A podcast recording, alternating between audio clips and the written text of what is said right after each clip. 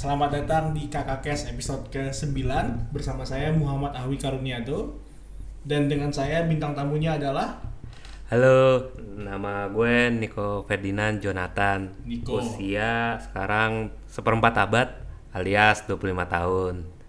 Sekarang kesibukan gue lagi ngambil studi lanjutan pasca sarjana jurusannya Magister Penotariatan di Universitas Pelita Harapan, Jakarta.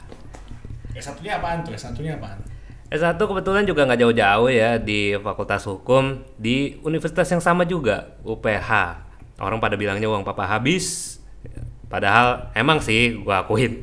Tapi di situ juga ada uh, perjuangan juga yang harus diperjuang dan kebetulan alhamdulillahnya saya lulus. Ya, bagus, bagus, bagus, bagus. Nah, selain dari itu hobinya apa aja nih selain Eh, hobi?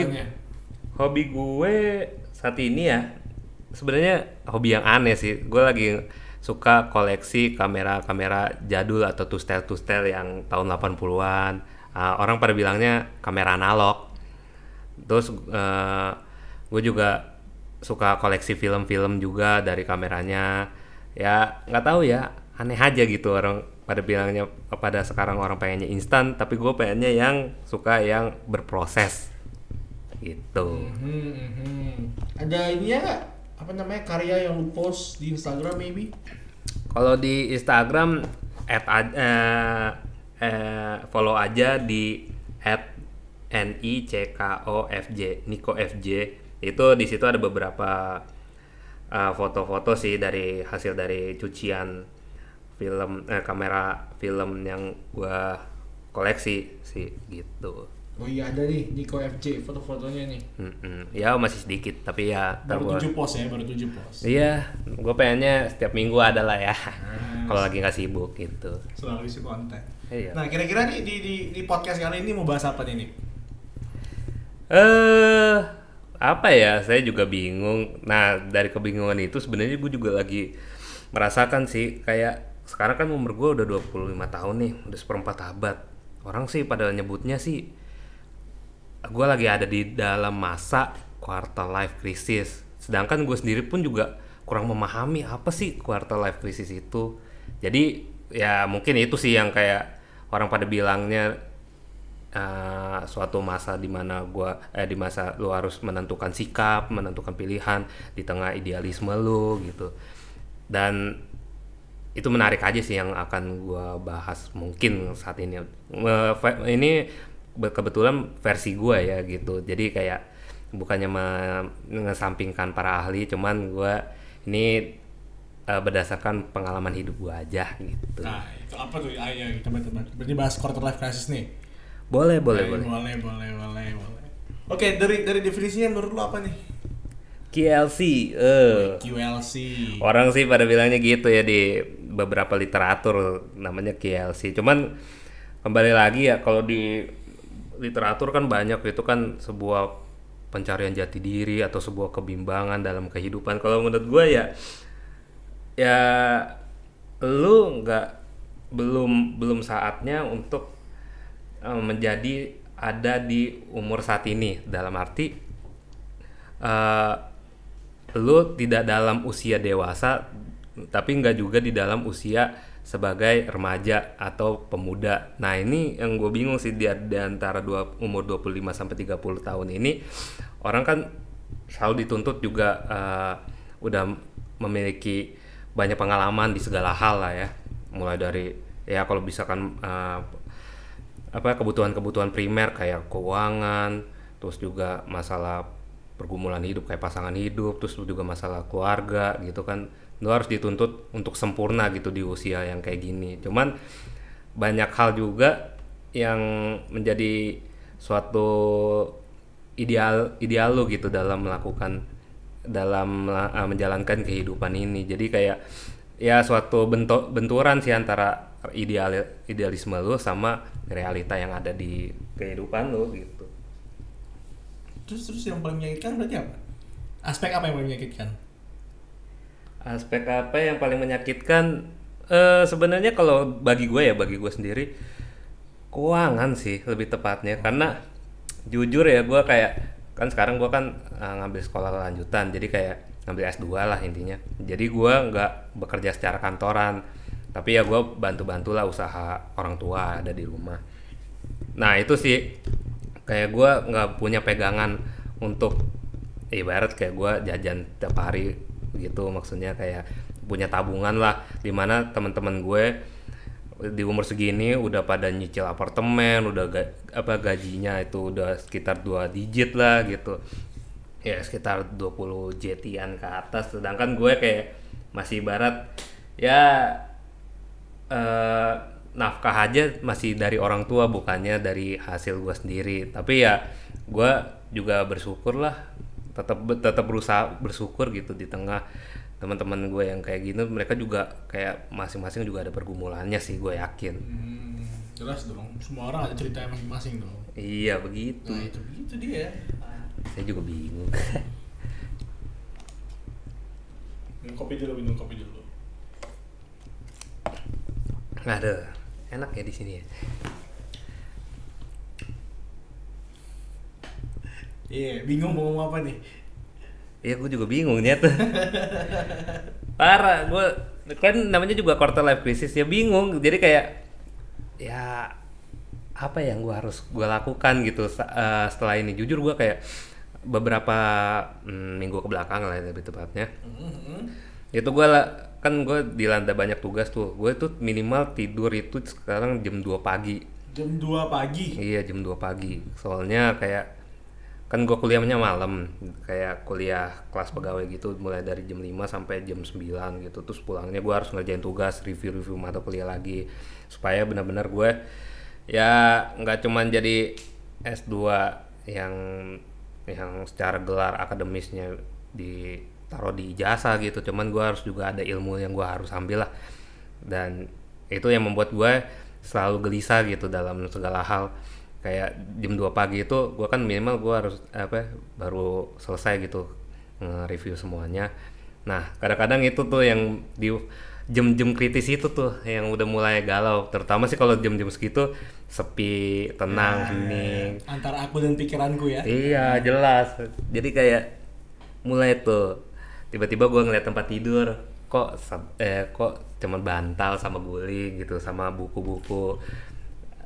Eh, terkadang juga sepi sekali gitu. Ter- termasuk hati ini lebih tepatnya sepi juga. Nggak bisa dibohongin emang. Tapi begitu kayak pagi menjelang gitu begitu gue bangun bangun lagi ya udah jalanin seperti biasa. Paling juga uh, stresnya stres masalah kayak apa benturan kepentingan antara gue harus iniin apa yang bisnis apa lanjutin bisnis Keluarga. orang tua orang tua gue gitu terus juga kadang-kadang juga masih ada tugas yang belum selesai gitu gitu sih. Cuman kalau misalkan malam ya mulai tuh kayak gitu. Jadi kayak setiap hari siklus gue gitu-gitu aja cuy. Kayak apa ya muter-muter. Dan juga masalahnya sama lagi sama lagi. Dan juga gua nggak yakin gitu ketika gua udah udah mendapatkan itu bakal kayak eh, bakal maksudnya bakal berkurang apa enggak pasti juga bakal bertambah sih. Nah itu yang juga justru yang jadi quarter sih menurut gua gitu. Jadi bukan masalah eh, berkurangnya suatu masalah ketika gua hadapin tapi justru apa nih yang apa yang akan datang gitu apa yang terjadi di masa datang itu sih yang jadi pemikiran gue di umur segini gitu. Jadi, jadi ibarat nih misalnya single terus dapat pacar bukan berarti masalah kesepiannya hilang. iya betul Timbul masalah baru ya kan. iya jelas Ini kalau kalau kalau kita out of topic dikit nih mengenai pacar, ya lu kan lagi di mahasiswa sebagai mahasiswa lagi nih. Mhm. Hmm, Pasti ada dong yang seumuran atau mungkin yang lebih muda. yang lebih muda mah banyak Nah, yang, itu dia. yang lebih tua juga banyak Ah. mau pilih yang mana kan masalahnya gitu kalau gue sih enjoy dulu sih lebih tepatnya. Karena gimana ya nggak kalau gue bilang bukan selera ya selera lu kayak gimana dulu kan gitu. Jadi kayak menurut gue ya jalanin aja dulu. Yang penting gue juga secara pribadi udah menentukan kriteria-kriteria. Tapi kembali lagi itu kan kalau misalkan kalau orang-orang bilang kan jodoh maut mati segala eh jodoh maut rezeki itu kan di tangan Tuhan. Cuman ya tetap juga kita juga agak berusaha lah ya gitu. Jangan sampai kita kopong-kopong amat nunggu-nunggu sampai lebaran monyet juga nggak bakalan ketemu. Kalau misalkan kita juga nggak berusaha berusaha mencari gitu. Bukan mencari sih ya berusaha aja eh, bergaul dengan semua orang gitu nikmatin kehidupan ini. Meskipun juga ya stres-stres yang dimaksud dengan KLC itu selalu datang menyerang ya gitu Hmm, ya. Kalau finansial tuh gimana tuh? keuangan ya kalau finansial Jatuhnya kan bisnis yang lu atur, yang yang lu kelola tuh bisnis keluarga kan? ios Berarti kalau misalnya bisnisnya lu bikin besar, berjalan, berarti secara nggak langsung lu menafkahi keluarga dong lebih keren lagi. Iya sih, cuman kayak orang kan selalu eh, orang itu terutama teman-teman gue ya yang gue kenal gitu di inner circle gue. Mereka tuh berprinsip ya lu apa pun yang terjadi lu jangan pak jangan ber kalau untuk keuangan jangan ber bergantung sama orang tua intinya gitu entah lu mau kerja entah lu mau bisnis sendiri tapi intinya lu jangan dimodalin orang tua jangan dibantuin orang tua pokoknya lu sendiri gue kayak gitu emang terbiasa untuk eh, idealnya mandiri. Cuman ya pa- pada kenyataannya juga ya mau dikata apa ya kalau misalkan emang lagi adanya kayak gini gitu gue harus bantuin orang bisnis orang tua ya nah kenapa enggak? Akhirnya gue juga eh terkadang juga menerima diri gue sih kayak tadi juga kayak gue selalu berpikir positif bahwa kayak wah ternyata gue juga apa ya eh, dari berangkat dari bisnis orang tua kayak eh, gue juga bisa menafkahi juga loh maksudnya bukan cuma diri gue sendiri tapi juga orang tua. Dengan berarti ya kita se- eh, sebagai keluarga juga udah bisa nih eh, berbisnis bersama gitu intinya. Gitu. Jangan-jangan lu ngambil kenotariatan untuk ngebantu bisnis orang tua nih. Eh sebenarnya ini notariat eh gua kenapa gua ngambil notaris ini juga bukan suatu hal yang pendek sih, hal yang panjang juga yang gue di yang gua pikirin ya. Intinya juga gua eh membantu sih iya ya membantu orang tua dan juga eh, kan juga ada beberapa lah ibarat kayak aset-aset gitu ya namanya juga orang berbisnis itu kan punya aset dan juga kayak kalau di itu kan namanya aktiva dan pasiva dan gue juga iya dan juga juga gue eh, berpikir harus gimana nih mengelolanya gitu segala macem. Tapi gue juga harus mengetahui ini kayak kan gue kan lulusan hukum sarjana hukum otomatis gue juga harus mengerti dong dasar hukum dasar hukumnya. Kayak ya kalau misalkan lu punya tanah gimana cara ngaturnya? Gitu. kalau lu punya kayak benda gimana cara menjaminkannya segala macem. Dan akhirnya gue berpikir ya gue ya, berpikir panjang dan sebenarnya udah didorong orang tua juga udah lama sih. Cuman gue kayak selalu mengelak dan juga ya udah lantar lagi. Tapi ada satu titik di mana ya gue ya udah deh gue ngambil kenotariatan ini tujuannya untuk eh, benar-benar eh, meyakinkan gitu eh, orang tua gue bahwa gue juga mampu loh untuk menjadi notaris satu. Kedua ya ya membantu mereka dalam mengelola asetnya. Karena menurut gue kan ya namanya orang tua ya apalagi kita berbisnis dengan orang tua gitu. Orang tua kan ya namanya orang yang sudah tua gitu.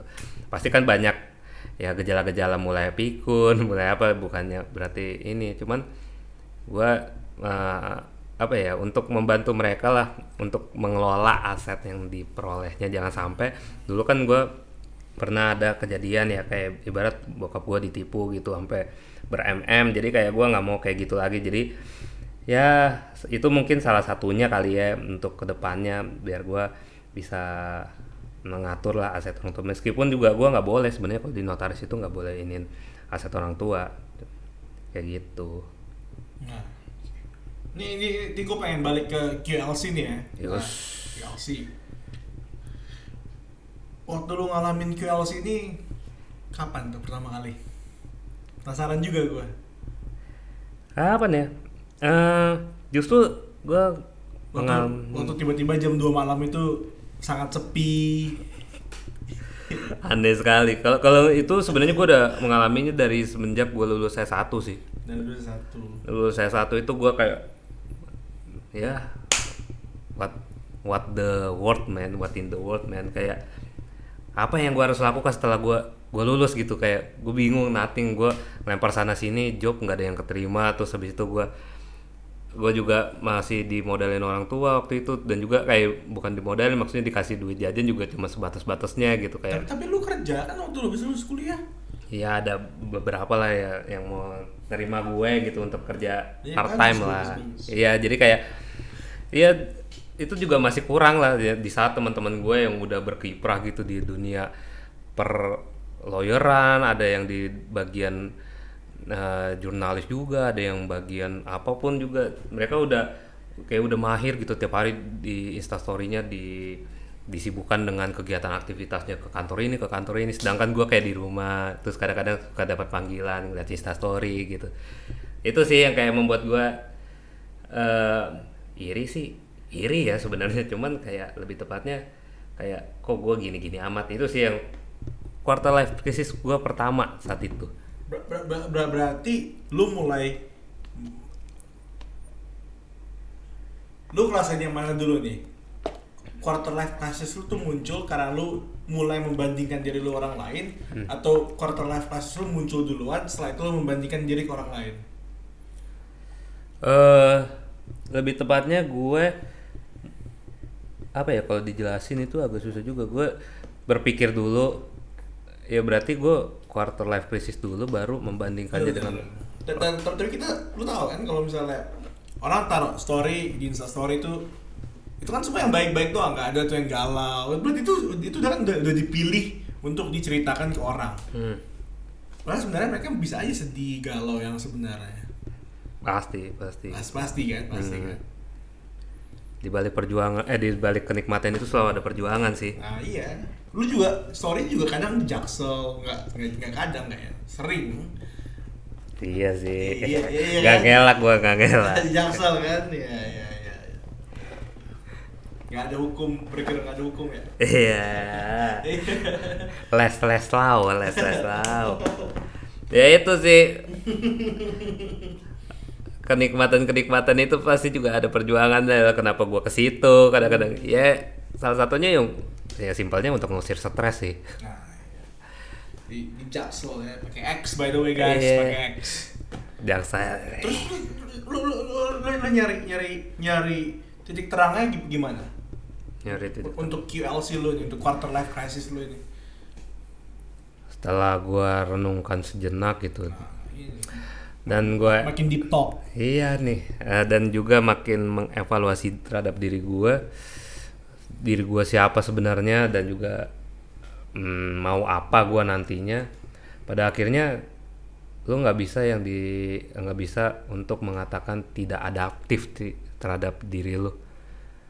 Kalau menurut gua ya lu harus men- dalam tanda kutip ya menerima kenyataan yang terjadi dalam diri lu nyet. Soalnya kayak lu pengennya begini tapi kenyataannya kenyataannya lain lagi kan susah juga ya. Maksudnya kayak apa eh, kecuali lu punya power gitu lu punya kuasa di atas eh, di atas kepentingan lu gitu kepentingan mereka maksudnya. Kepentingan lu tuh benar-benar di atas kepentingan mereka dan lu punya kuasa untuk mengendalikan kepentingan mereka. Nah itu bisa barangkali tapi kalau misalkan real di realita di dalam diri gue gue nggak bisa mengendalikan mereka ya. Mereka ya kayak orang gitu. Misalkan ya orang maunya gue kayak gini tapi gue apa bersikapnya demikian gitu. Tapi gue harus mencari titik tengahnya sih. Ya titik tengahnya mungkin komunikasi ataupun juga ya tipis-tipis aja lah kalau mau kayak gitu ya. Kalau mau main edgy ya ya tipis gitu. Jangan sampai lu lewatin garis gitu sih. Tipis-tipis ya? Iya. Gue yang tipis-tipis ya? Tipis-tipis emang paling enak Jo. Sedap. Itu titik terangnya Iya, kalau menurut gue lu harus adaptif lah intinya gitu terhadap apa yang terjadi dalam diri lu sekarang. Nggak bisa lu mengelak nyet, gitu. udah udah mulai terapkan titik terangnya Saat ini, ya kalau adaptif dalam di gue ya jalanin aja sih, jalanin aja apa yang terjadi di ke depannya gitu. Yang penting lu kayak apa nih yang berikutnya lu datang, apa yang masalah berikutnya lu dateng ya lu harus ya fast respon kalau misalkan kata orang sih gitu kata orang paket ya fast respon gue harus bisa eh, fokuskan de- diri gue untuk menghadapi yang akan datang gitu meskipun gue nggak tahu apa yang terjadi gitu karena jujur aja di dalam setelah 25 tahun gue hidup kayak 25 tahun. yes man kayak Seperempat abad.